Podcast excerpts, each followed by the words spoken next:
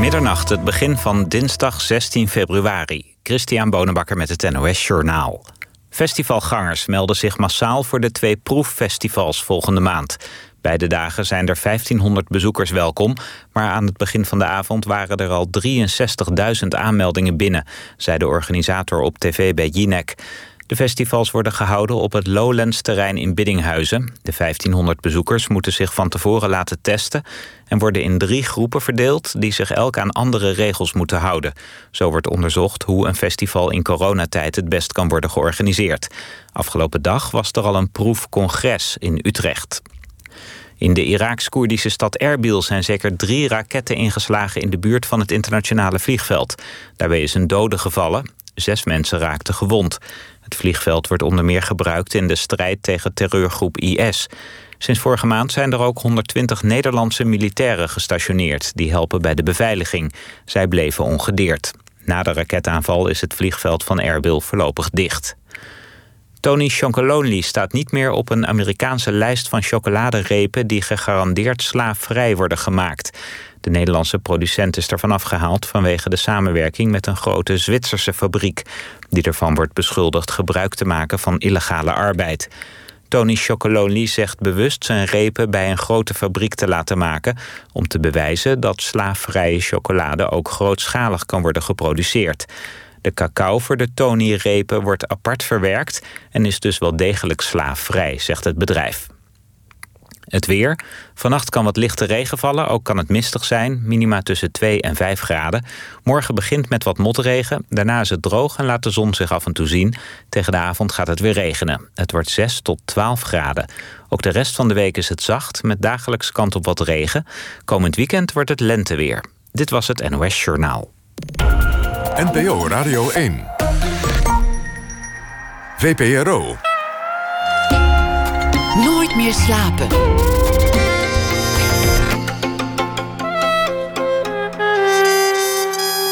Met Pieter van der Wielen.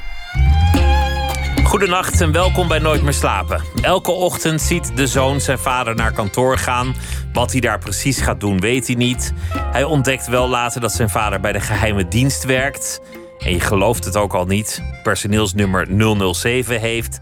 Zijn hele leven zal de zoon later gefascineerd blijven door geheimen, door complotten. En hij zal succesvol schrijver van spannende boeken worden. Het leven van Thomas Ros, die hier tegenover mij zit. Het is zo mooi als de verhalen in zijn boeken. Thomas Ros, echte naam Willem Hogendoorn, geeft in zijn nieuwste werk Indisch Requiem ook een kleine rol aan die vader.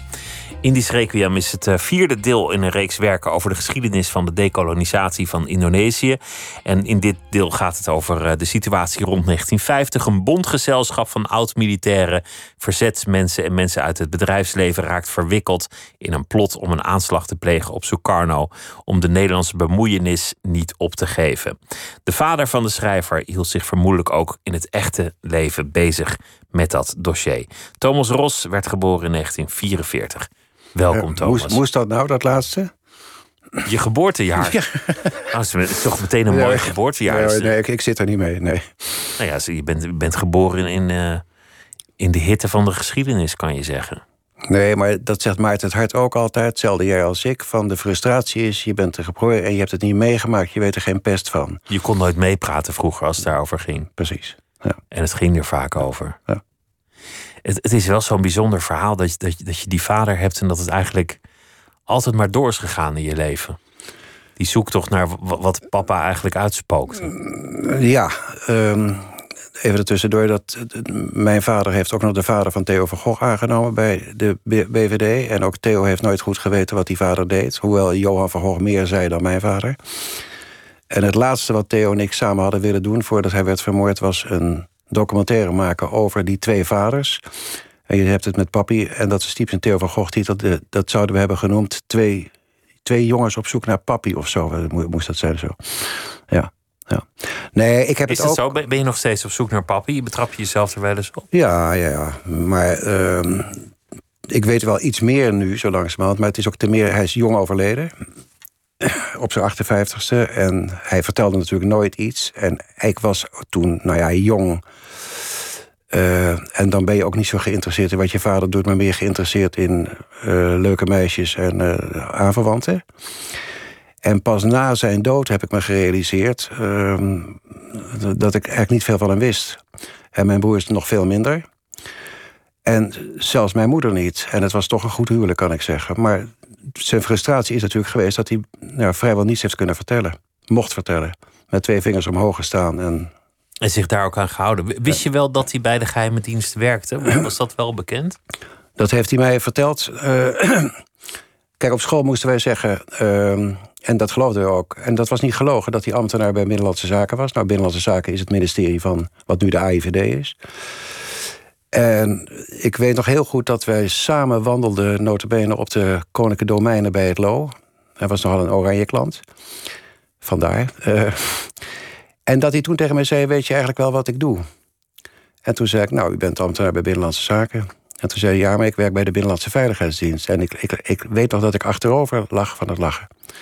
En dat niet, want al die verhalen, ik was toen een jaar of 16, 17.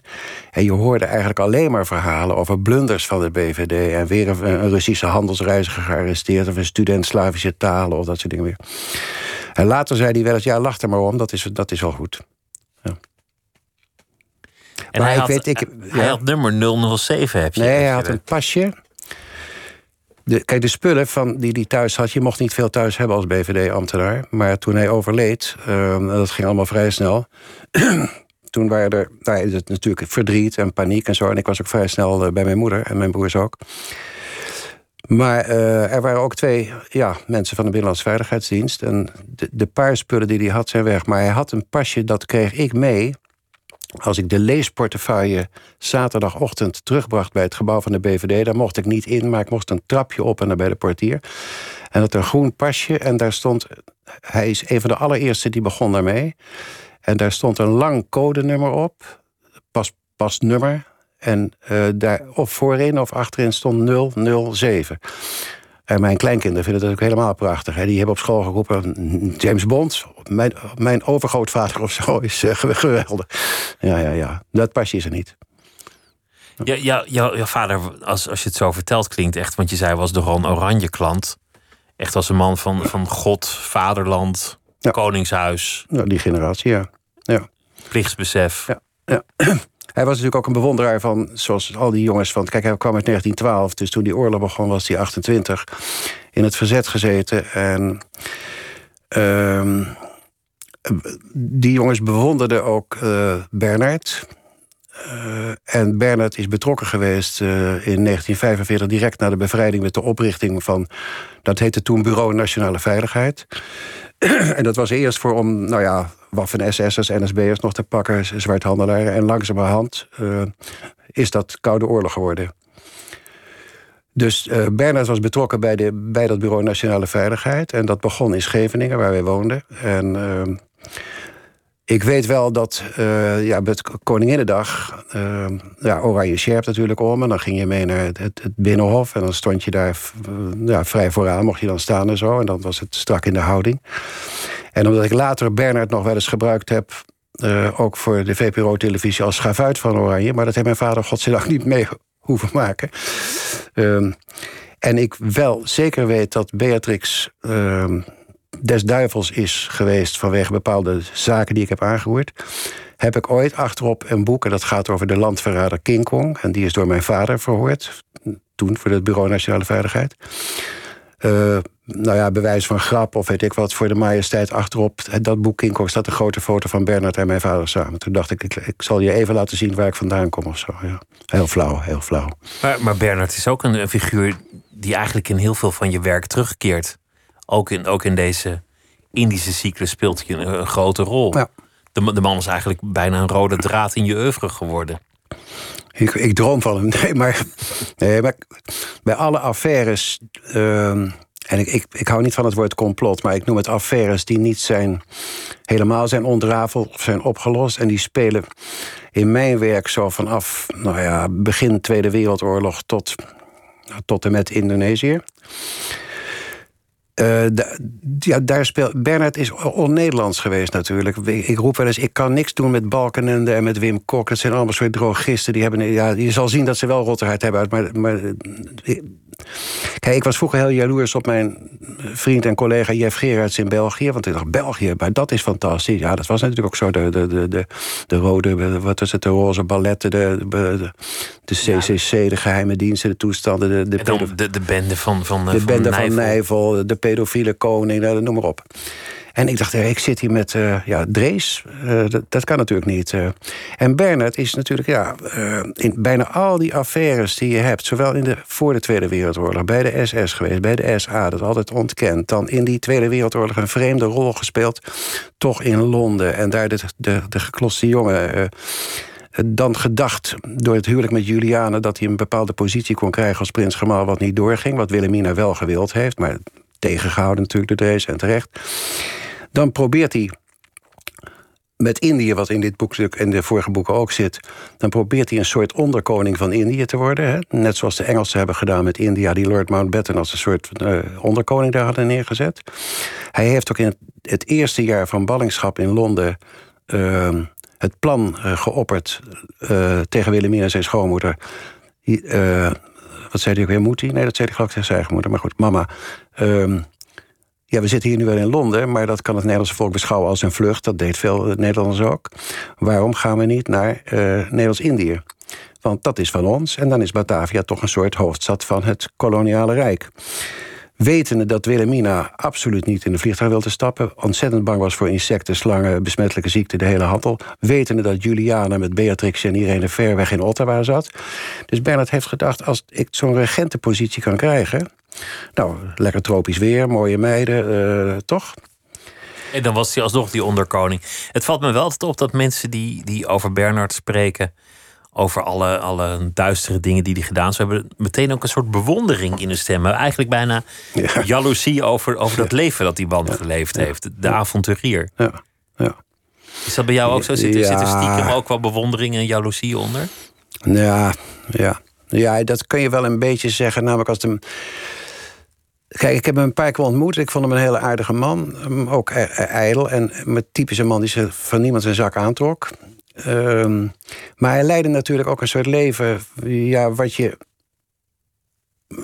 Ja, nu niet meer op mijn gezegende leeftijd. Maar wat je vroeger dacht van, oh ja, zo moet het. Een beetje James Bond-achtig, gentleman, de, de mooie macho. Plekken, de, mooie auto's. Ja, dat soort dingen. Veel geld, uh, reizen, uh, trok zich ook van niemand iets aan. Dat hoefde hij ook niet, want niemand deed iets tegen hem. En dus die, die, die, dat soort vage bewondering. Kijk, toen ik die serie van jullie maakte voor de VPRO, die heette Schafuit van Oranje. Toen, ik heb toen lacherig voorgesteld, zullen het schoft van Oranje noemen. Maar dan gaat er niemand kijken natuurlijk, dat, dat kan niet. En hij had misschien ook nog wel zijn aardige trekjes. Dat zal wel, maar. Um, maar die bewondering zat er zeker in bij de generatie, maar die van mijn vader, want die zagen hem als, nou ja. De man van het verzet. Ja, ver, verzetsheld. En de opperbevelhebber, wat hij niet echt was, maar Wilhelmina heeft hem zo benoemd. En die was er toch maar. En. Uh, en dat samen met zijn compaan Erik Hazelhoff-Rolfsema natuurlijk... die in dit boek ook een grote rol speelt. Ja, die ook een heldenstatus heeft gehad. Als je, als je zo'n musical ook ziet, dan denk je... ja, maar zo was het helemaal niet. Zo, hè? Want de, de eer voor dat soort verzetstaten komt dan toe aan... de vriend van Hazelhoff-Rolfsema, Peter Tazelaar. Dat, dat, dat moet ik nog eens een keer doen. Over hem een boek schrijven. Maar dit soort jongens waren gewoon een macho's. En die liepen rond en die reden lekkere auto's. En die zaten achter mooie wijven aan, hadden geld zat. En, en genoten van die roem. Over die, over die serie, die is even een zijpad hoor. Maar jij maakte voor de VPRO die, die serie, Schafuit van Oranje. Daar zou jij normaal gesproken zeker de mythe van de stadhouders, stadhoudersbrief in, in hebben verwerkt. Dat hij een brief aan, aan Hitler zou hebben gestuurd, ja. vragend om een positie. Mhm. Zelfs, zelfs de, de VPRO, ooit toch een rebelse club, durfde dat volgens mij niet aan. Nee, nee. Om dat erin te doen. ja. Je zegt terecht ooit, ja. En, en dat, dat, dat heb je dan elegant opgelost dat hij hem wel schrijft, maar niet op de bus doet. Is dat zo? Dan, dan, zegt, dan zegt Juliana, ach jong, wat is dat nou weer voor brief? Iets in die geest en dan, dan verscheurt hij hem. Hij verscheurt hem. Ja. Hij verscheurt hem. Ach, ben ik zo diep door mijn knieën gegaan toen. Dat hebben we wel elegant opgelost. ja. ja. God, Pieter, ik weet het niet meer. Echt niet. Ja, volgens, Ik weet ook niet of we daar zeg. ruzie over hebben gehad. Ik heb wel ruzie gehad. eh, maar als scenarist, ik, la- laat, laat ik een hele mooie van iemand. Ik weet niet wat hij zei, maar je, je maakt een blauwdruk en de regie gaat ermee vandoor. Dat is natuurlijk zo. En daar moet je ook niet over zitten zeuren. Ik weet wel, in de tweede, ver- in het vervolg erop, dat heet Beatrix Oranje onder vuur.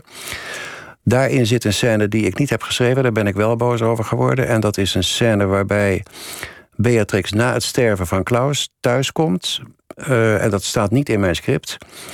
Maar dat had de regisseur, ik zal zijn naam niet noemen, uh, uh, dan zelf bedacht. Dan zit zij alleen in haar uh, slaapkamer, boudoir in Huis ten Bos. En dan zet ze de helft van haar pruik af. Kennelijk heeft ze dus een pruik, wat ik niet geschreven heb.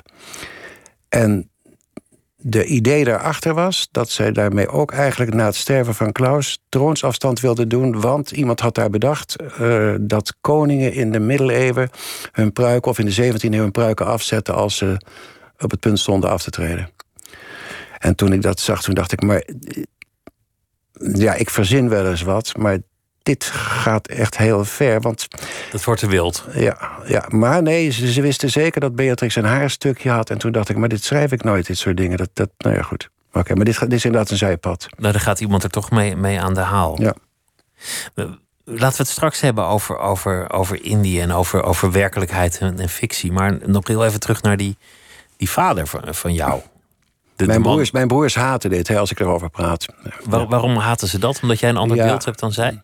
Nou, ik ben meer geïnteresseerd altijd geweest in wat hij gedaan heeft. En die BVD, dat komt ook door mijn boeken natuurlijk en zo. Maar die denken altijd, ja, laat het nou maar. Laat het maar los, is geweest. Ja, nou, ik merk nu, ze zijn nu oud, ouder dan ik... en dat ze nu wel geïnteresseerd zijn in wat ik heb gevonden... en weet ik wat er zo. Maar, maar waarom moet dat...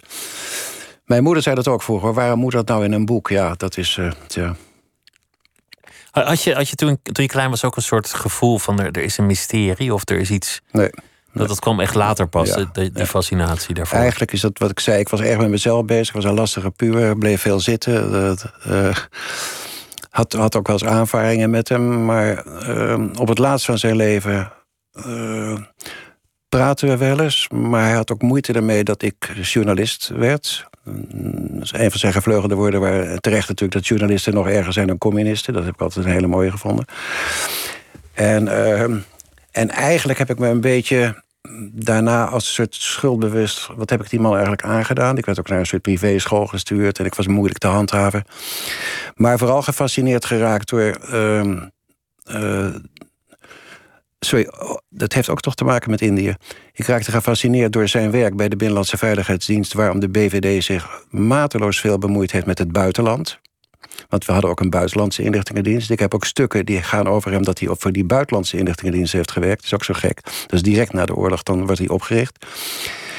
Uh, en twee, ik studeerde bij de hoogleraar Wertheim in uh, culturele antropologie, Indonesië.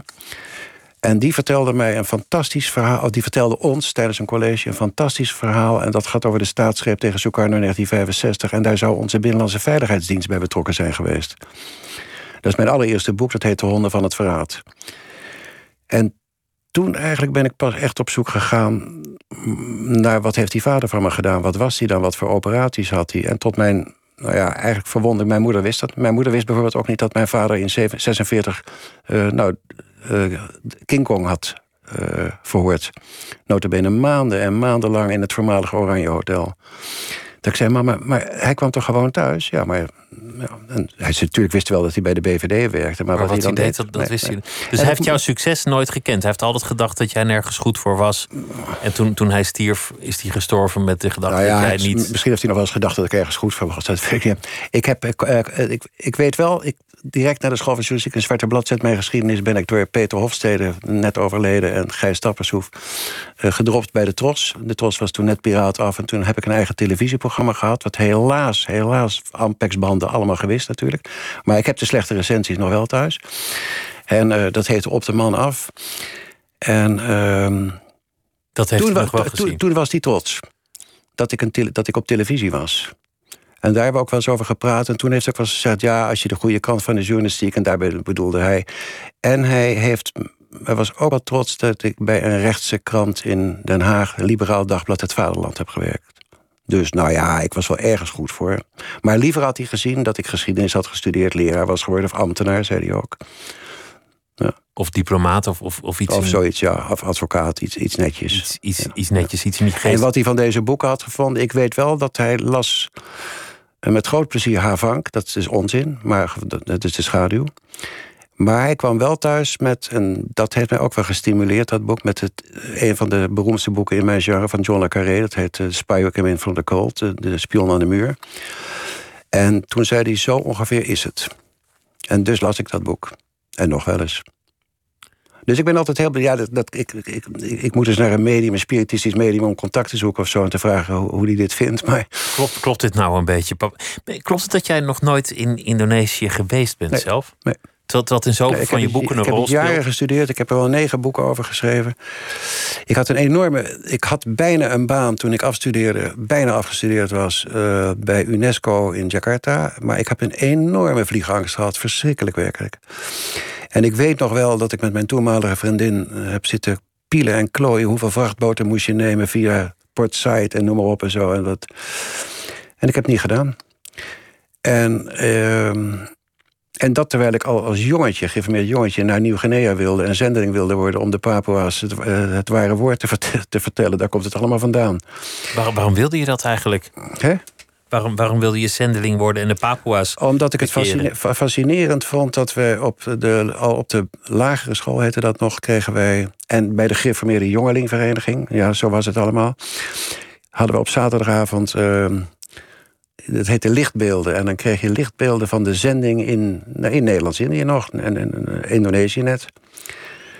En veel van die jongens keken daarnaar, de oudere jongens... omdat je daar voor het eerst blote tieten zag. Want ja, dat waren vrouwen die zaten sago te stampen. Zo. Maar ik was gefascineerd door, ja, door wat die zendelingen deden. Het romantische, het oerwoud, Nieuw-Guinea, die Papua's. Uh. En omdat dominee, en ik geloofde dat heilig als jongetje... vertelt dat als je Jezus niet had leren kennen... Uh, dan moest je dat ware woord brengen, want anders dan zou je wel eens niet in de hemel kunnen komen. Dus je wilde ze ook, ook redden in die zin. Maar in Den Haag in, in de jaren 50, toen jij opgroeide, ja. moet Indië alomtegenwoordig zijn geweest. En Indië was alomtegenwoordig, maar daar heb ik niet zoveel. Dat heb ik pas veel later gekregen. Maar natuurlijk, ik weet. Uh, ik weet dat ik in. Ik kom in 49 op de lagere school. En in 1950 komen er twee uh, bruine jongetjes in de klas. Ronnie en Loetje Muis. Loetje is vorig jaar overleden. Uh, geducht bendelid geworden in, uh, in Den Haag trouwens. En dat waren hele vreemde jongetjes. En die konden heel goed vechten en ook goed voetballen. En daar ging ik mee naar huis. En daar heb ik op een bovenwoning voor het eerst van mijn leven Indisch eten geroken. Dat vond ik heel lekker. Maar verder. En ik had een oom en die heeft gevochten. Dat vond ik ook mooi. Met het knil. eerste en tweede politieke actie. En die was er heel trots op. En als jongen, ja, dat vind je fascinerend, die verhalen over de kampongs. En, uh, maar dan ben je tien, elf. Deze geschiedenis die je in dit boek schetst, die, die, dat is eigenlijk heel interessant omdat die niet zo vaak verteld wordt. Voor, voor, voor het beeld van de meeste Nederlanders houdt het op ergens met die politionele acties. Ja. Nederland probeert nog uh, vast te houden aan die koloniën. Ze verliezen. Ze merken dat ze internationaal mm. geen steun hebben. Dat ze zich isoleren en ze laten het gaan. En vanaf dat moment heet Nederlands-Indië Indonesië en daar houdt de geschiedenis op. Ja, niet helemaal correct vind ik dat. Dus, want dat is. Kijk, één wordt er altijd gezegd dat bij de soevereiniteitsoverdracht 27 december 1949, Juliana, het Paleis dat op dat moment er een republiek Indonesië was. Maar op dat moment, en dat waren akkoorden die we veel eerder sloten, Linggadjati en zo, hebben we eigenlijk ervoor gezorgd dat we een Verenigde Staten van Indonesië maakten. En een soort dat gemene best moest het worden. Ja, En dat heb ik zelf ook altijd een heel goed idee gevonden, omdat. Uh, kijk, Sukarno was natuurlijk een nationalist en daar kun je veel van zeggen, ook pro en ook tegen. Maar het was een Javaan. En echt, ik ik ben dan wel nooit in Indonesië geweest, maar ik ben er wel jaren mee doende geweest. En uh, een Madurees is geen Balinees en een Sumatraan is geen... Uh, nou ja, net zoveel als een Eskimo van een Spanjaard. Dus al die grote eilanden, ja, ik noem ze nog bij de oude namen... Celebes, Borneo, uh, Sumatra, maar, kijk maar naar Timor, dat soort... Dat zijn zulke verschillende volken, etnisch, qua religie, qua ras...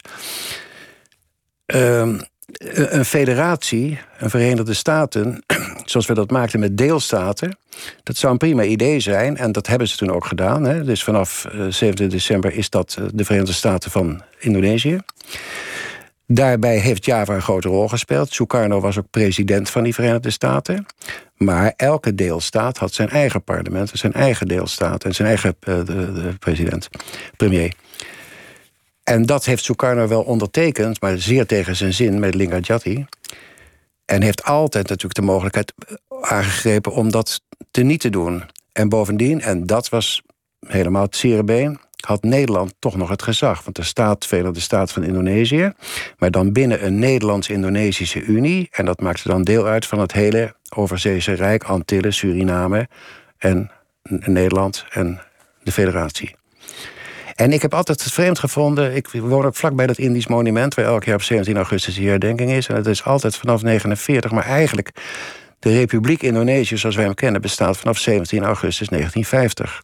En, maar wat, wat, wat de meeste mensen in Indonesië zullen vieren, is gewoon meteen 1945. Ja, het moment dat ze het uitroepen. Dus die 49 is, is ook al meer een, ja, een nou, nou moet je. Ook, de meeste mensen doen dat nu wel. Maar dan moet je wel bedenken dat op 17 augustus 1945... dan hebben de Jappen zijn net twee dagen gecapituleerd... dat heel veel Indonesiërs het ook niet wilden. En altijd de, de, ouderen met name natuurlijk, de christenen met name. De, de kneeljongens natuurlijk, die, eh, de, de Molukkers, daar heb je ze. De Zuid-Molukkers, wat wij dan Ambonezen noemden. Ja, die wilden gewoon dat Nederland bleef. En dat het alweer uh, en in Nederland was het natuurlijk ook geducht tegen, omdat Sukarno ervan beticht werd, met name ook door Drees bijvoorbeeld, dat hij met Japan had gehuild tijdens de oorlog. Hij heeft, hij heeft geweten van Pearl Harbor, hij heeft geweten van de kamp, hij, heeft geweten, hij is bij Hirohito op bezoek dus geweest. Dus dat was, dat was een verrader in, in, voor, voor rechts Nederland en voor mensen zoals mijn vader en voor de hoge militairen en zo was Sukarno een verrader, een soort mussert. Het, het mooie is, het is een bond gezelschap van mensen die, nou ja, je noemt het rechts Nederland, je kan er van alles onder scharen militairen, verzetsmensen, uh, mensen uit het bedrijfsleven, vrijbuiters, die zich samenvinden in allerlei pogingen om iets te ondernemen om Indonesië toch bij Nederland te houden. Nou, althans de economische belangen. En misschien ook wel de militaire belangen. Maar zeker. Kijk, het bedrijfsleven het zat er natuurlijk prachtig hè, in Indonesië. Schatrijk aan grondstoffen. Het hout, goud, tin, uh, noem maar op. Uh, olie. Olie, nou met name dat ja. En de angst, wat later ook gebeurd is met Sukarno, is dat hij het zou gaan nationaliseren. En de Amerikanen hebben in het begin, na de 45, 46, uh, erop aangedrongen dat Nederland zou decoloniseren. Dat was ook niet voor niks dat ze dat deden. Uh, want de militaire belangen en de economische belangen golden ook voor de Verenigde Staten. Zeker de militaire, want je ziet in 47, 48 China, hè, Mao Zedong komt dan. En eigenlijk is Indochina dan ook al. Nou, er wordt ook behoorlijk gevochten tussen de Fransen en de communisten. Dus als die kettingreactie, dat domino-effect door zou gaan, ook naar Zuidoost-Azië, Indonesië. En daar ligt Australië, wat natuurlijk een bondgenoot was. Dus de Amerikanen hebben heel graag die basis van. En wij hebben nooit veel ondernomen tegen het communisme. Dus de, de Partij Communist Indonesië, die, de Communistische Partij van Indonesië, die was heel sterk. En Sukarno heeft na de. Wat hij de onafhankelijkheidsverklaring noemde, is, is geneigd geraakt om het nou ja, communistische vrienden te zoeken. Ook een soort vrijheidsstreven, wat Mao toen had. Maar ook, eh, en later ging hij naar Tito toe, maar ook het Kremlin. En dat was Amerika en door in het oog. Daar konden wij natuurlijk niks meer tegen doen. We kwamen zeer verzwakt uit die oorlog tegen Japan. Uitgemergeld, noem maar op. En, en, en eigenlijk iedereen bemoeien met je eigen zaken. Maar die eigen zaken waren wel degelijk. Nou ja, Bruinzeel, Philips, Shell, alles, alles zat daar. En uiteindelijk heeft Amerika toch in 1947 in gedacht van... moet je luisteren, misschien dat Sukarno toch... en daarom waren ze het wel eens met die federatie. Maar toen wij twee politionele acties gingen voeren, om het zo te noemen, dus generaal Spoor. Ehm, dat heeft het eigenlijk de klap gegeven voor uh, het idee van die federatie onder Nederlands gezag. We doen het dan nog wel, maar nou ja, dat, dat, dat, dat wordt terecht gezien als een soort uh, agressie. En uh, daar heb je Raymond Westerling natuurlijk bij, die ik in het boek noem en zo. En dan krijg je oorlogsmisdaden. Westerling, je, je noemt hem al dat is een wonderlijke geschiedenis. Die, die man is zonder enige twijfel een oorlogsmisdadiger. Ja. Een van de dingen waar hij berucht om was, is met zijn soldaten binnenkomen in een, in een kampong. Eén of meerdere mensen, willekeurige mensen, doodschieten voor het oog van de rest van de bewoners. En zeggen: Kijk, dit gebeurt er als je niet meewerkt. En dan had hij een soort intuïtie naar eigen zeggen om te weten of iemand loog of niet. En als zijn intuïtie zei dat je loog, dan werd je ook doodgeschoten. Ja bewijs was verder niet nodig, want. Westeling had intuïtie. Nee, maar Westeling noemde dat één, hij zei het is oorlog. Twee, heeft hij altijd gezegd, en dat is ook zo. Dit is, ja, het klinkt Duits achter bevel is bevel, maar ik, ik heb het niet zelf bevolen. Dat zijn super bevelen hij zei van dat het van hoger afkwam. Ja, het, ja, van het knil. Dus van de, de, de generale staf van het KNIL. Dat heeft hij altijd volgehouden. En ik ben helaas het boek vergeten. De man heeft het twee jaar gepubliceerd. En ik geloof dat ook wel. Dat hij dat niet helemaal alleen heeft gedaan. En zo werd er ook gedacht. Het waren voor hen uh, rebellen, opstandelingen. En als jij het niet deed, dan lag je met een afgesneden penis. En dat was natuurlijk ook zo. En die jongens die waren 20 en 21, die dachten ook zo. Die voor hun nummer naar Indië gingen. Um, ja, als, als zij ons niet doodmaken, dan moeten wij het doen. En als we die kampongs niet uitroeien, nou, zo werd er gedacht. Maar uh, zelfs binnen nou, links rechts, uh, zelfs binnen links Nederland. Uh, was er toen wel kritiek op. Hè. Heeft ook geaarzeld met die politieacties, maar is toch de Partij van de Arbeid, premier, toch door de knieën gegaan. Uh, en heeft gedacht, de eerste politiële actie is echt erop gericht om onze economische belangen veilig te stellen. En de tweede is om eigenlijk Sukarno af te zetten en weg te werken. En dat heeft hier internationaal zoveel kwaad bloed gezet. Toen kon Nederland het eh, verder vergeten. Ook die hele constructie die toch nog even gewerkt heeft van die federatie. Het wonderlijke is, waarom is Westerling nooit vervolgd? Is er eigenlijk nooit iets ondernomen om hem nou ja, te veroordelen voor zijn misdaden? Ja, maar... hij, is, hij is geëindigd als operazanger, boekhandelaar. Ja. Hij heeft een rustig leven geleid in Purmerend. Ja, nou wordt het moeilijk, want dit is de plot van het boek en dan kopen mensen het niet meer. Althans, is het deel de plot. Nee, mijn boek gaat wel over Westeling, maar het gaat ook vooral over de Republiek der Zuid-Molukken, die in, op 25 april 1950 is uitgeroepen. Dus toen nog binnen die federatie. En dat Nederland inderdaad, de Zuid-Molukkers waren natuurlijk uh, jongens die bij Westeling hebben gevochten. Dus die ook hebben meegedaan aan die, wat je noemt, die oorlogsmisdaden hoor. En die hebben altijd met ons meegevochten, uh, veel christenen, Ammonezen, in het Koninklijk Nederlands-Indisch leger. Hadden daar ook een vrij vooraanstaande positie in. Dus die waren als de dood dat als Sukarno aan de macht zou komen, ja, dan zouden zij uh, de klos zijn. Want ze hebben tegen hem gevochten, tegen het nationalisme en tegen de communisten in Indonesië. En zij hebben altijd erop gehoopt en op gerekend... en zelfs gedacht dat de belofte is gedaan, dat is niet zo... dat Nederland hen zou steunen als die uh, federatie er zou komen... Uh, waren ze onderdeel van Oost-Indonesië... en ook als zij een eigen RMS, Republiek der Zuid-Molukken... zouden stichten, dat Nederland dat zou steunen. En Westerling heeft dat met name geprobeerd. En ik, hij heeft echt een staatsgreep geprobeerd in zijn Ja, en nou komt hij. Hij pleegt eind januari 1950. Dus dan hebben wij die soevereiniteit overgedragen aan die federatie. Dus dat was illegaal wat hij deed. Probeert hij een staatsgreep te plegen in Java van Bandung naar Batavia. Ik moet nu zeggen Jakarta, geloof ik. Maar goed, Batavia. En uh, dat is gesteund met nou ja, kijk, uh, generaal Spoor was dood toen al... maar Westerling heeft al veel eerder met Spoor over die plannen zitten praten. De hoge knilmilitairen waren ervoor. Die hebben altijd gedacht, al die jongens van ons... die tijdens de eerste en tweede uh, actie zijn gesneuveld... zijn niet voor niks gesneuveld. Wat krijgen we nou? En nou opeens laten we dat los? Dat kan natuurlijk niet. de lage militairen dachten dat ook. Dus dat was het legioen van uh, Westerling, die daar nog zaten. Nou, het bedrijfsleven, daar hebben we het al over gehad... dat wilde absoluut proberen om toch hun belangen samen uh, vast te houden. En de rechtse jongens, zoals hier professor Gerbrandi... en Erik Hazelf-Rolsema en de soldaat van Oranje. En schavuit van Oranje, dus schavuit en soldaat. Ja, die waren daar glad voor. Een communist, een man die gehuild heeft met de jappen... en Indië zomaar vrijgegeven. En dit zou nog kunnen lukken ook als we Sukarno afzetten. Of liquideren, dat had Westeling graag gewild natuurlijk. En dat zou lukken daar op Java dan zouden we kunnen gaan praten met, en dat zijn gematigde nationalisten, die zitten ook in dit boek. Daar had je Shahir, en dat was een hele goede nationalist, bevriend met Drees en niet met die Japper. En die was er best wel voor te vinden om dat wat geleidelijker, dat decolonisatieproces, en ook niet de angst dat hij af zou glijden naar het communisme. Dus Westerling heeft dat echt gesteund met die ideeën van deze mensen, maar geld, wapens, hoe kwam die daar dan aan? Uh, de, en de koep is mislukt. En Westerling, zo begint het boek, ontsnapt dan... en probeert het alsnog vanuit Brussel. Dat hij later, uh, in 1951... en we dachten inderdaad al, zeker de Partij van de Arbeid... en de Linkse Partij, het is een oorlogsmisdadiger... nooit gepakt... Nooit veroordeeld, staatspensioen gekregen, uh, huis op de Willemsparkweg Amsterdam gekocht, wat een, niet de meest verpauperde buurt van Amsterdam was en is. Uh, operazanger geworden, adviseur Vietnam geworden. Uh, wat je zei, later tweedehands boekhandelaar... en vredig in zijn bed gestorven in Purmerend. Ja, ja waarom? Hij wist te veel. Ja, jij zegt het, hè? Voor wie dit inschakelt, Thomas Ros zit tegenover mij, schrijver... En hij heeft een, eh, een boek, een vierde deel van een reeks over eh, de geschiedenis van de dekolonisatie van Indonesië. Indisch Requiem heet dat eh, boek.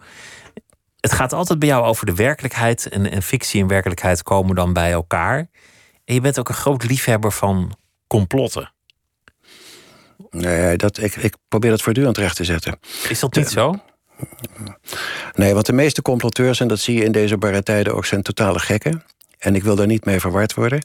Wat ik probeer te doen is uh, affaires die in Nederland hebben gespeeld, want ik ben een Nederlander. En die nou, niet helemaal teruggaan naar de moord op Willem van Oranje, hoewel je daar ook wel wat over kan zeggen. Maar, maar met, nou ja, daar heb je het weer, die Tweede Wereldoorlog. Je bent erin geboren, je weet er niks van en daarom ga je er waarschijnlijk achteraan. Die vader die daarmee bezig is geweest. Indië is natuurlijk een fantastische geschiedenis. Ik heb Suriname ook wel eens gedaan, Bouterse. Daar spelen zaken in die nooit helemaal helder zijn geworden of zijn opgelost. Uh, neem als grote voorbeeld in de oorlog het Engeland speel. Dat is een, dat is dat is een gigantisch complot geweest. Uh, mijn goede vader zei altijd wel... De, de, de idioten die complotten verzinnen, die verpesten het eigenlijk. Uh, want de echte comploteurs, daar hoor je nooit wat van. En na, natuurlijk is Kennedy slachtoffer van een complot geworden. Maar dit soort idiote complottheorieën, daar ga ik niet in mee. Ik wil. Uh, dus wat je nu over COVID allemaal hebt, dat, dat interesseert jou niet? Nee, vind je? Nou, maar die zijn gek. Dat, dat, ja. Nou, uh, Bill Gates met chips of zo, injecties, en, uh, hoe komen ze erbij? Maar goed. Wat ik doe is, ik probeer affaires uh, te ontraadselen. Waar in de archieven niet meer bestaan, of gedeeltelijk zijn weg, of de mensen praten niet, of ze zijn al lang dood en dement en weet ik wat. Waarbij de historicus het niet mag en niet kan, want die archieven zijn er niet. Hij moet alles verantwoorden, en terecht. En de journalist, als die tegenwoordig de tijd ervoor krijgt, moet dat ook. En ik vind dat je als romanschrijver, op voorwaarde dat je de feiten niet, niet vermengt met de fictie, en dat er heel veel feiten moeten zijn, laten we zeggen 70, 80 procent, die de speculatie ondersteunen. Zo zou het geweest kunnen zijn. En ik ga mezelf niet op het borstje kloppen, maar ik ben nog nooit. Ja, ik ben wel beschuldigd ervan, maar ik ben nog nooit tegengesproken met bepaalde theorieën, ook niet van binnen de BVD, over het Engelandspiel of over de moord op Fortuin of over uh, Westerling of.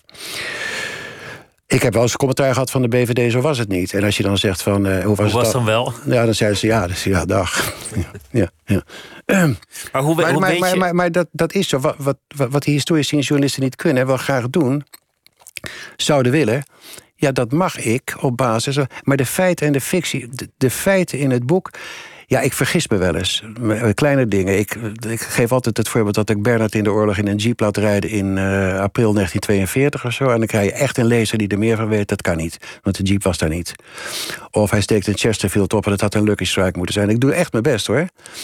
Maar de, de grote feiten en de ontwikkelingen... en dat doe ik ook altijd meestal in een voorwoord of in een epiloog van het boek... daar noem ik alle gebeurtenissen zoals ze feitelijk zijn geweest. En dan kan de lezer zelf voor mij wat tegenwoordig op Google... of als hij nog een oude winkelprins heeft, het nazoeken of het waar is. Het lijkt me een hels karwei als je zo'n dik boek schrijft. Nee, want anders dan... Ik heb ook wel eens details. fictie... Welke film draaide er eigenlijk in april 1950? Ja, was hartstikke Welk leuk. hitje was er eigenlijk op Ja, de radio? Kan het dit hitje? Ja, mijn, mijn nieuwe boek gaat over de Stasi in Nederland, 1966. Dat heb je natuurlijk meer mee- meegemaakt. En dat zijn de provo's en wilde tijden in Amsterdam. Dat is natuurlijk ook heel mooi. En dan laat ik mijn held even terugdenken aan de oorlog. En dan rijdt hij in Den Haag. En ze gingen veel naar de bioscoop. En dan denk ik, oh ja, dan rijdt hij voorbij het Asta-theater. Daar ging ik later ook naartoe. Wat zou dat... En dan vind ik het heel leuk om na te zoeken... wat draaide er in 1943 nou voor soort films in Asta?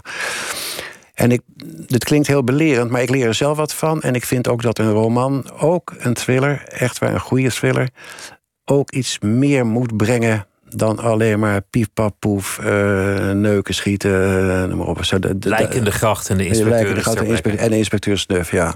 Dat is best leuk hoor.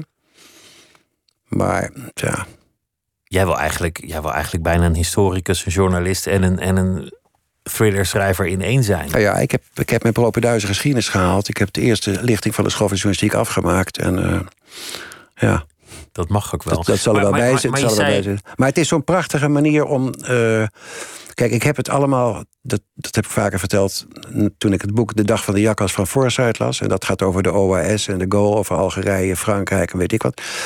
En ik weet niet meer, ik las het geloof ik in 1975 of zo. Toen dacht ik, oh, maar dit is een, dit is een fantastische manier om geschiedenis te schrijven. Het gaat, gaat over moordaanslagen op de Gaulle. Nou, die zijn er geweest. En dat doet hij zo geniaal en zo fantastisch. En toen ik, maar dit is een manier om, om het te vertellen. En dat vind ik nog steeds. Maar het, het leuke van het werk, ja, schrijven is ook wel leuk, maar het is toch ook, dat weet je zelf, het is tobben en klooien en veel sigaretten en het gaat niet en vastlopen en weet ik wat. Maar het leuke vind ik juist als je dingen uitvindt die gebeurd zijn, dat je denkt, oh, maar dat zou, dat zou het geweest kunnen zijn. Zo past het, zo sluit het. Dat kan eigenlijk niet anders zijn geweest. Want je hebt het dit over, over de, de COVID. Wappies, zei, zei onze minister-president met een soort, ja, soort wegwerpgebaar. Dan zeg je, ja, dat zijn idioten. Hoe weet je dat je het goed hebt als je verder geen bronnen hebt? Je kan het niet bewijzen. Ja, maar dan, moet, dan je bent toch aan het gokken. Ja, dan moet ik het tegendeel gaan bewijzen. Ja, dat is niet waar. Nee, luister, het, het, nou ja, ik ga uit van een betrouwbaarheid van een paar personen, bronnen, inlichtingen. dat er een virus is overgebracht. En of het nou van een vliegende hond of een vleermuis is, weet ik wat in China. En uh, als ik alles lees over zo'n verspreiding van zo'n virus. dan nou, ik wil zelfs nog wel meegaan, hoewel dat nou net ontkend is... dat het misschien ontsnapt zou zijn door de laboratoria. Maar de theorie bijvoorbeeld dat vervolgens de Chinese communistische geheime dienst het virus expres heeft laten ontsnappen om de westerse kapitalisten te pakken te nemen of zo. Dat, nou, dit gaat naar James Bond en dat mag ik heel graag lezen en ook heel graag zien, maar ik geloof er geen pest van. Ik denk altijd als je twee verklaringen hebt, kies de simpelste, dan zit je meestal goed. Oh ja, kan je ook doen, ja. ja. Je hebt, je hebt een boek geschreven, dat, was wel aardig. Dat is vorig jaar opnieuw uitgebracht over een, een pandemie. Ja, ja. Uh, Beta, dat boek schreef je in 1987. Het speelt halverwege de jaren 90. Ja. En dat boek gaat er eigenlijk over hoe de democratie volledig wordt uitgehold wanneer een virus om zich heen grijpt in Nederland. Mm Elko Brinkman is minister-president. Die voorspelling waagde je dan vast aan ja, toen, je het schreef? Maar dat, nee, dat was toen ook, je weet... Dat was toen ook de kroonprins. Maar was nog niet afgebrand hoor. Nee, was toen de kroonprins van het CDA, ja. Dus, dus die had je, die had je vast neergezet? Ja, zo word je achteraf altijd ingehaald. Ja, ja, ja. En dat boek is vorig jaar opnieuw verschenen, omdat de uitgever dacht: nou ja, dat is misschien wel aardig om dat nu eens terug te lezen. Ja. Je hebt daar, je hebt daar echt, echt ontzettend goed over nagedacht destijds. Van wat zou het betekenen als er een virus kwam? Ja. Wat zie je nu bewaarheid worden en, en wat niet? Ja, maar dat virus beta was. Ik, ik weet dat ik totale woede had. Dit is echt gebeurd. Het was de periode dat AIDS er was. En dat we allemaal ontzettend bang waren voor AIDS. En, en de meest fantastische en gruwelijke verhalen eronder deden. En een van de gruwelijke verhalen, dat was echt waar, is dat ik in, ik geloof, die site las, Duitse krant, dat er een serieus voorstel was van artsen in notabene Duitsland om mensen die aan aids leden de letter A te tatoeëren in het voorhoofd. En toen dacht ik, daar van Auschwitz is dat dan, wat krijgen we nou? En, echt, en toen dacht ik, wat zou er gebeuren als je zo'n enorme... Ik ken het hele woord pandemie niet, maar epidemie had... die de hele maatschappij ontregelt en ontwricht en weet ik wat... en zo besmettelijk is, want de ziekte beta die ik verzon... was stukken besmettelijker dan uh, nou, bijna ebola, zullen we maar zeggen, wat het, uh, wat het nu is. Hè? Mensen werden ook ontvlambaar. Mensen, mensen vlogen in de fik als je er iets tegen aanhield. Ja, maar goed, je krijgt hele segregaties. Hele wijken in Amsterdam zijn afgesloten, als ik het goed weet. De metro's worden dichtgegooid. En dan krijg je, en, dan krijg je, en dat heb ik wel fascinerend gevonden om te bedenken... dan krijg je in die onderwereld, die letterlijke onderwereld... dus de metrostelsels van Amsterdam en weet ik Rotterdam... daar krijg je een aparte gemeenschap van paria's, van het uitschot... wat besmet is maar wat het niet pakt. En uh, nou ja, ik wou net zeggen bijna Willem Engel, maar dan, dan wat anders en zo. En die gaan rebellengroepen maken. En vervolgens, maar ik, ik, lees mijn boeken nooit meer, maar ik heb er een soort uh, John de Mol in, uh, in verwerkt, geloof ik. Ja, een maker van commerciële tv die een formatje die onmiddellijk, ziet. Ja, die onmiddellijk, want dat begon toen ook die ellende van, de, van, van dat soort programma's. Die er een format in ziet en dat wereldwijd wordt bekeken. Zo met, met je, je rent en als je wint of zo, dan mag je naar een paradijs waar ook paria's wonen. Maar dan word je verzorgd en weet ik wat ergens in de Pacific. Of dat was het, geloof ik, hè? Eén grote vrolijkheid, kortom. Eén grote vrolijkheid. Ja. Ja, ik was eerst, dacht ik van dat boek moeten we niet uitgeven, want dat is een beetje, ja, eh, over de ruggen van, uh, van de COVID-patiënten heen of zo. Maar aan de andere kant uh, was ik wel gestreeld door de opmerking van... je had een beetje een vooruitziende blik gehad en uh, weet ik wat of zo. Wel, het is veel erger, veel erger dan corona hoor. Ja. Die ziekte is veel ja, erger. Tuurlijk, tuurlijk, ja, ja, natuurlijk. Maar het staat een beetje buiten... Ik vond het wel geestig om te doen, omdat het buiten mijn eigen werk staat. Het is een beetje een SF-roman, want ik schreef in 87. Ik plaatste het ergens in de jaren 90. Ik heb later in een herdruk het nog één keer naar 2016 gedaan, geloof ik. Nu hebben we het weer teruggebracht naar de oorspronkelijke uitgave. Maar het is een soort fantasy, een soort SF. Ja. En ik voel me veel meer thuis in wat ze dit genre noemen factie. En, uh, dicht bij de werkelijkheid, dicht bij de, bij de, bij de geschiedenis. en, en kijken of je het, of je het spannend Kan, kan maken een van de redenen waarom je niet in complotten zou geloven, is, is dat, dat je weinig vertrouwen in de autoriteiten hebt. En, en dat weinig vertrouwen in dat ze dat tot een goed einde zou brengen. Dat ze eigenlijk te klunzig zijn om een complot Nee, ik geloof in complotten. Maar kijk, ik geloof in een complotten van geheime diensten. Ik geloof in een complot. En de simpele dingen, laten we zeggen, uh, Russen die, uh, de, die in Engeland uh, de, met radioactieve middelen vergif, weet ik wat. dat, dat is een soort complot. als ik lees dat bij mij in Den Haag om de hoek notabene twee Russen zijn aangetroffen met apparatuur om het anti-atoomgezelschap af te luisteren en gepakt wordt. Dat, is, dat zijn kleine complotjes. Maar als je leest wat de ehm, de CIA heeft gedaan. De, mijn allereerste boek, Sukarno, de staatsstratege Sukarno, is een, ja, het petje af. is een fantastisch complot. Je kan het er niet mee eens zijn, maar het is hartstikke knap in elkaar gezet. Als je leest hoe Allende in Chili ten val is gebracht, wat er aan vooraf is gegaan met de inzet van de CIA. Ja, keur het maar af, maar technisch gezien, hoe moet ik het zeggen, is het verschrikkelijk knap bedacht. Als ik lees in. Uh, het is een heel dik boek van Dick Engelen, een proefschrift over de BVD dat moet mijn vader geweten hebben. De BVD heeft in de jaren 50, we hadden nog de Communistische Partij Nederland. Die richtte zich behoorlijk op het Kremlin, toen nog, hè, Moskou was dat nog, dat was Khrushchev. En de BVD heeft toen gedacht, we moeten meer informatie zien te krijgen over Peking. Mao Zedong, dat wordt, eh, nou, 1955, 56, dat, die begon sterk te worden, nog binnenlandse toestanden. Toen heeft de BVD een eigen communistische partij opgericht. Dat is toch fantastisch geweest. Die, die, die, jongens aan de Kennedylaan, die heette toen geen Kennedylaan trouwens, maar die hebben toch ontzettend gelachen en geklooid. Hoe doen we dat? Hoe zetten we een eigen Maoïstische groepering in elkaar? Die, die groepering is ontvangen notabene in de hemelse stad. Uh, dat was een concurrent van de CPN. Zo konden ze ook weten wat de CPN deed. Fantastische informatie Ja, dat is, dat is geniaal. Dat zijn, dat zijn de mooie verhalen. jouw vader heeft ook een rol in, in dit boek. Ja. Uh, en, en dat heeft ermee. Dat heb ik nog nooit gedaan hoor. Maar het, daar hou ik niet van. Maar omdat dit waar is. Ik hoor, je kwam hem echt ik, tegen. Ik hoor die broers van weer kanker. Maar dit is dus echt gebeurd. Ja. Hij heeft. Kijk, mijn vader was uh, uh, goed geïnformeerd. Heel veel van de BVD was het trouwens ook.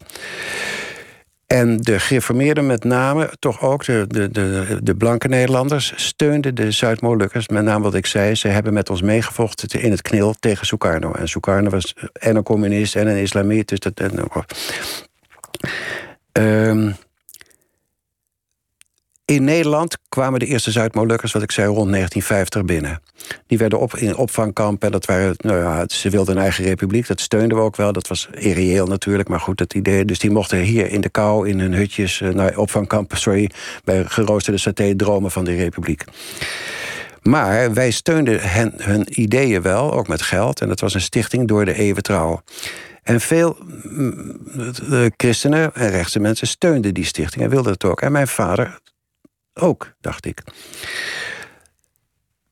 Uh, ik herinner me nog heel goed, in 1966... mensen denken altijd dat de Zuid-Molukse jongeren begonnen zijn... met de, de punt en de trein, de kaping bij uh, Wijster. Maar in 1966 vallen Indonesische, Molukse jongeren... al de ambassadewoning van de Indonesische ambassadeur in Wassenaar aan... waarbij een politieman wordt doodgeschoten. En dat was hard voor die tijd, hoor. Toen heeft mijn vader woedend uh, zijn steun teruggetrokken... omdat de stichting door de Eeuwentrouw niet echt duidelijk uh, afstand nam... van deze actie van de jongere Molukkers. Pas later, tijdens het schrijven van dit boek... kreeg ik van een vriend die mij geholpen heeft met dit boek... een klein rapportage van de Binnenlandse Veiligheidsdienst in handen. Ik meen uit, 19, ja, uit 1950 ook. Waarbij blijkt dat mijn vader bij die stichting door de Eeuwen Trouw... nou, laten we maar zeggen, gedropt werd door de Binnenlandse Veiligheidsdienst.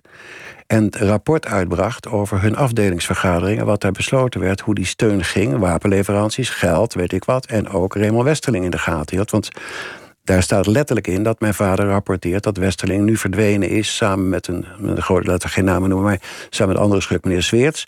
naar België. En toen dacht ik, shit, ik heb altijd heilig geloofd. Dat doe ik nog wel hoor. In dat, in dat hij oprecht meende die Zuid-Molukkers moeten. Dat heeft hij ook gemeend. Maar tegelijkertijd heeft hij ook gedacht: dit ik moet dat doen voor de BVD. Want het kan link worden. En Westerling, dat is een hele andere koek dan nou, de voor hem gerechtvaardigde eis van de Zuid-Molukken van de eigen republiek. Dus, dat was, eh, dus die woede van hem was ook frustratie dat hij iets niet had ja, gezien. ja, dat ook. Dat zeker. Want later begreep ik van uh, Arthur Dokters van Leeuwen... die veel later natuurlijk hoofd van de BVD is geweest... dat het trauma bij, nou ja, dat is dan nu de AIVD... bij de oudere garde van de BVD zeker... altijd is geweest, we hebben de Zuid-Molukse jongeren onderschat. En dat kwam omdat de nou, de ouderen waren redelijk vreedzaam. Hè. Die hadden elk jaar een herdenking in de houtrusthallen in Den Haag. En dan was daar Manu samen. En dan waren er wel jongens met rode baret en die schreeuwden wel wat. Maar dat was het ongeveer. Maar ze hebben niet gezien en ze hebben niet uh, een ontzettend onderschat... hoe die jeugd die is geradicaliseerd toen. Dus niemand heeft zien aankomen. En dat, daar is die dienst wel voor. Hè. Uh, nou ja, wat de treinkaping... maar ook de aanval op die ambassadewoning van de Indische ambassadeur. En dat ja, dat heeft trauma's verwerkt bij de dienst. En ze hebben er nooit goed in kunnen infiltreren daarna, want toen waren ze te laat. Dus dat, dat, ja, dat en, en om binnen die groepen te infiltreren is uiterst lastig hoor. Dat zie je dus ook bij de Mokro's en de Mokro-bendes en de Marokkaanse radicale jongens en de islamitische IS bijvoorbeeld. Hoe wij dat doen. En nogmaals, als je daar iemand binnen hebt uit die club, dan weet je niet of die dubbel of driedubbel is. Dus dat is link. Kan je niet vertrouwen. Er, er is één, één belangrijk personage in jouw hele Indische cyclus. Dat is uh, Springer heet hij. Dat, die, die lijkt eigenlijk in een aantal opzichten op jou. Want je, je hebt hem in dit boek een vrij belangrijke Schotse invalshoek. Ja. Je, je bent zelf getrouwd geweest met een, met een Schotse. Dus jij, jij, kent waarschijnlijk die omgeving ook goed. Ja. Die is jazzmuzikant. Ja, ben ik ook geweest. Ben je ook geweest? Ja. Een aantal karakters. Zelfs, zelfs clarinetist, ja. Ja. Dus dat, heb je eigenlijk misschien wel iets een beetje bij jezelf gehouden. Ja, ja, maar kijk, ik ben, het is bekend, ik ben wars van de Nederlandse literatuur, van het uh, gereformeerde binnenhuisje en noem maar op. En uh, boeken over je moeder schrijven en de gereformeerde jeugd die niet goed was. Weet ik word er zo ontzettend. Ik denk dan altijd: waar is Saul Bellow, waar is John Updike, waar is Norman Mailer? Op de een of andere manier het boeit jou niet zo? Nee, ik word er echt heel moe van. Ja, van, die, van die halve bekentenistoestanden... en de, de chockerende feiten uit de polder. Dat, uh. Dus ik ben ook niet zo geneigd om autobiografisch te gaan zitten schrijven. En godzijdank, daar is een thriller ook helemaal niet. En waarom zou ik dat moeten doen? Maar als je een Kijk, ik hou, ik, ik hou me vast aan de feiten. Dus er bestaan authentieke personages. Prins Bernhard, Eerkhausen, Volsema, Westerling, Sukarno, de hele club. Maar ik heb iemand nodig dus, nou noem het maar een held, een hoofdpersoon. Ja, die, die, die, die de draden aan elkaar kan verbinden, die ergens achteraan moet gaan. Dat ben ik natuurlijk als schrijver ook. Maar, eh, dus ik moet iemand verzinnen. Ja, en dat, als je niet dicht bij jezelf staat. En je, kunt niet iemand verzinnen denken, ja, de, de, de, de, de tegenpartij. Ja, de antagonist. De, maar dus de schurk, maar in de schurk doe je ook wel strekjes van jezelf, denk ik hoor. Maar je, moet mee kunnen gaan, de lezer moet mee... maar de schrijver moet ook mee kunnen gaan met de hoofdpersoon... want die moet het dragen. Die is verdomme de man of de vrouw die het moet doen. Ja, en als je hem dan als je dat allemaal moet gaan verzinnen en dingen moet gaan meegeven die helemaal niet bij jou horen, dan is het een, helemaal een duivelswerk. Dus het is makkelijk gewoon om een sigaretten te laten roken, want dat doe ik, en het klarinet te laten spelen, want daar weet ik wel iets van. En ik vind het ook weer leuk om terug te duiken in die jazzgeschiedenis. Die geef ik er ook een beetje bij van Den Haag, want dat is mijn stad en dat was een jazzstad. En en het huis waar die woont, uh, in zijn eentje, Badhuisweg, daar woont, dat is bij het Koerhuis, daar woonden wij. Uh, ja, die, die dingetjes. Zit niet bij Shader, was je fan van? Uh, zeker. Maar dat hij last heeft gehad van een geïnformeerde jeugd... of dat hij graag in het corset van zijn moeder rondliep... dat interesseert me geen reet. En dat, dat, dat, nou goed. Daar houdt het op. Is het, is het ook een stiekem verlangen naar, naar een spannend leven? Dat je eigenlijk zelf de grote avonturen had willen meemaken? De, de grote gebeurtenissen? Ja, zou kunnen, toch? Wat, wat, is dit nou weer voor diepste psychologie? Is... Nou, ik, ik, vind, ik vind, het eigenlijk wel plausibel. Want, want net te laat geboren om mee te kunnen praten over de oorlog. Een, een vader, die, een, die een dubbel leven had, terwijl, terwijl jij niks mocht... en altijd maar gewoon naar de kerk moest en daar je weesgegroetjes op zeggen. Nou, weesgegroetjes deden we niet hoor, in de gereformeerde kerk. Ik, weet daar heel weinig van, geef ik toe. Maar wat ik bedoel te zeggen is natuurlijk... dat je eigenlijk een spannend leven had willen leiden. Ja, ja nee nee. Dat, dat doe je als je 16 bent. Je ging naar films met Eddie Constantine of later naar James Bond... en dan kwam je pistoolschietend de bioscoop uit of zoiets, toch? Nee, het, het, zijn, het, zijn spannende affaires, dat zijn ze. Dat, dat is het Engelandspiel, dat is uh, Indië geweest. Dat is spannend op een manier. Dat is... Er, er zit niet eens zo er zit niet eens zo gek veel actie in mijn boek als ik dat vergelijk met, met de doorsnee thriller, waar het veel harder aan toe gaat of zo. Ik, ik doe het wel. Er zit ook ontzettend weinig seks in mijn boeken. Uitgevers hebben altijd gezegd: je verkoopt wel goed, maar doe nou eens wat meer seks in dat boek. En dan denk ik: het is zo ontzettend obligaat om dat te doen. Toch? Hier zit eens één seksscène in, die kon, dat kon ik niet laten zitten. Er zitten een paar seksscènes in. Eén. Oh, oh, oh, ja? Nou, maar, ja, is, dat, maar niet heel uitgebreid. Nee, zo, nee, maar, maar... Dan, is, dan is het suggestie. Ja. Toch? Maar dat oh, goed. Ja. Nee, ik, ik, nee het, is niet, het is niet een innerlijke drang naar een spannend leven. Groot en meeslepend wilde hij leven. En dus trouwens, moet je luisteren, ik heb ontzettend veel banen gehad en dingen gedaan en zo. Het is, dat is toch mooi geweest? Misschien is het een spannend leven ook wel achter een bureau zitten en iets bestuderen en je fantasie de vrije loop laten. Ja, ja goed, ja, dat is het wel. Maar of het nou dat is geen compensatie voor het burgerlijk bestaan wat ik leid en weet ik, want daar ben ik dol tevreden mee. En, uh, nou, ik vind het wel heel geestig om iemand die op mij lijkt dat soort dingen te laten doen en, te, en bijvoorbeeld te laten reizen naar Indonesië, waar ik zelf dus te laf was en ook niet in een vliegtuig durfde stappen. Dat ja, maar. Maar ik, ik zou nooit bij een geheime dienst zijn gaan werken. Of ik zou nooit. Wat hij trouwens ook niet wil. Want het is altijd mooi dat je een. Springer is trouwens genoemd, dat wil ik wel even zeggen, naar mijn idool. Een man die ik heel graag mocht, de schrijver F. Springer. En die wel heel veel in Indonesië is geweest. Zoals je weet. En prachtige dingen heeft geschreven, veel te weinig. Ja. Over, over een spannend leven. Je, je noemt dat Engelandspiel. Ik zou met geen van die jongens hebben willen ruilen hoe spannend het allemaal is opgeschreven en hoe mooi het ook verfilmd is. Dan, dan moet je eerst in een kano naar Engeland. Dat is koud. Als je het al overleeft, dan kom je eraan. Word je eerst vastgezet, want ze vertrouwen je niet. Ja. Word je met een parachute die het al dan niet doet, boven Nederland uitgegooid. Ja, maar ik ben blij dat ik met jou niet in het verzet heb gezeten. Val, je in Duitse handen. Kom je bij het verzet die denken dat je een verrader bent. Want anders was je nooit ontsnapt uit het Oranje Hotel. Dus die proberen je nog eens te vermoorden. Ja, ja. je weet het. is allemaal gebeurd. Allemaal gebeurd, ja. 54 jongens, ja. Ja, en, en er was er één die het overleefde. En die toen in 1946 bij het schilderen van zijn huis van de trap viel. Ja, maar zijn nek brak. Ja, ja. Maar het gaat mij erom. ik heb daar een heel dik boek over geschreven, al heel lang geleden. Het gaat mij erom, wat zit erachter. Dat die jongens zijn opgeofferd. Dat weten we. Maar waarom? En welke uh, ik denk dat ze dachten dat ze de Duitsers valse informatie konden toespelen die de Duitsers uiteindelijk helemaal niet geloofden. Nou, dat is een theorie. De Engelse geheime dienst. Kijk, wij, hadden een geheime dienst in Londen, maar dat stelde natuurlijk geen zak voor. We zaten er in ballingschap, weet ik wat. Maar we hadden een geheime dienst. Daar, heb je Bernard weer en een andere geheimzinnige man, François van Sant. Maar de Engelsen waren natuurlijk heer en meester daarover en zo. En die vonden het uh, prima als de dat is een theorie, dat als de moffen verkeerde informatie zouden geven. Maar wij gaven, de jongens die, die gedropt werden, die aan die parachute bungelend meteen of gearresteerd of een tijdje gevolgd, weet ik wat, speciale instructies mee. Van, en als je gearresteerd werd, en, ja, en dan gaan de moffen je proberen te draaien, dan laten ze je terugzijnen naar Engeland, ja. En dan krijgen wij dus informatie binnen, want dan denken de Engelsen en de Nederlanders, jij bent nog eh, operatief. Als je zeker weet dat het fout is, verander dan iets aan die code. Wat die moffen niet merken. Dus doe één puntje weg of doe één weet ik wat. Dat hebben die jongens ook gedaan.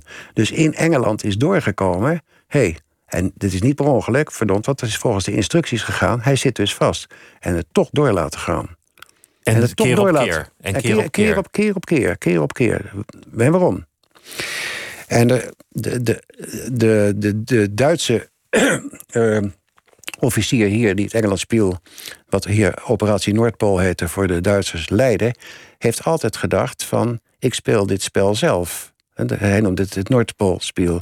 Die heette Giskus en dat was een topjongen hier zo, een slimme man. En die heeft gedacht op een gegeven moment, ik stop ermee. En die heeft ook een ironisch telegram gestuurd naar eh, de Engelse heren. Het was een fijn spel, ik stop er nu mee, bedankt. Wat ook weer aan kan geven dat het een Duits spel is geweest. Maar dan hadden ze verraders in Engeland gehaald. En hadden ze, het, is, het is een warboel. We zullen, het, we zullen het nooit weten. Nee, nou ja, er wordt wel eens gezegd... ooit, 50 jaar later, Ehm, maar je weet bij de echte complotten... eh, ik zeg altijd, we hebben nooit de ballistische foto's... van de Kennedy-schedel gezien, dat is John F. Kennedy. Dat mag pas geopenbaard worden 75 jaar na zijn dood. Dan vraag je je meteen naar waarom is dat? Dus na 1962 nog 75 jaar erbij optellen. Dus iedereen die het echt bij bewustzijn heeft meegemaakt... zal die foto's niet zien. Maar dan, dat staat er, worden de chirurgische foto's vrijgegeven... van de schedel van John F. Kennedy. Maar dan vraag je je toch gewoon af, waarom is dat? We zullen het nooit weten. Nee. Thomas Ros, dankjewel. En het eh, boek heet eh, Indisch Requiem. Het was een genoegen met je te praten. En dit was eh, Nooit meer slapen voor deze nacht. Radio 1. Dankjewel. Het nieuws van alle kanten.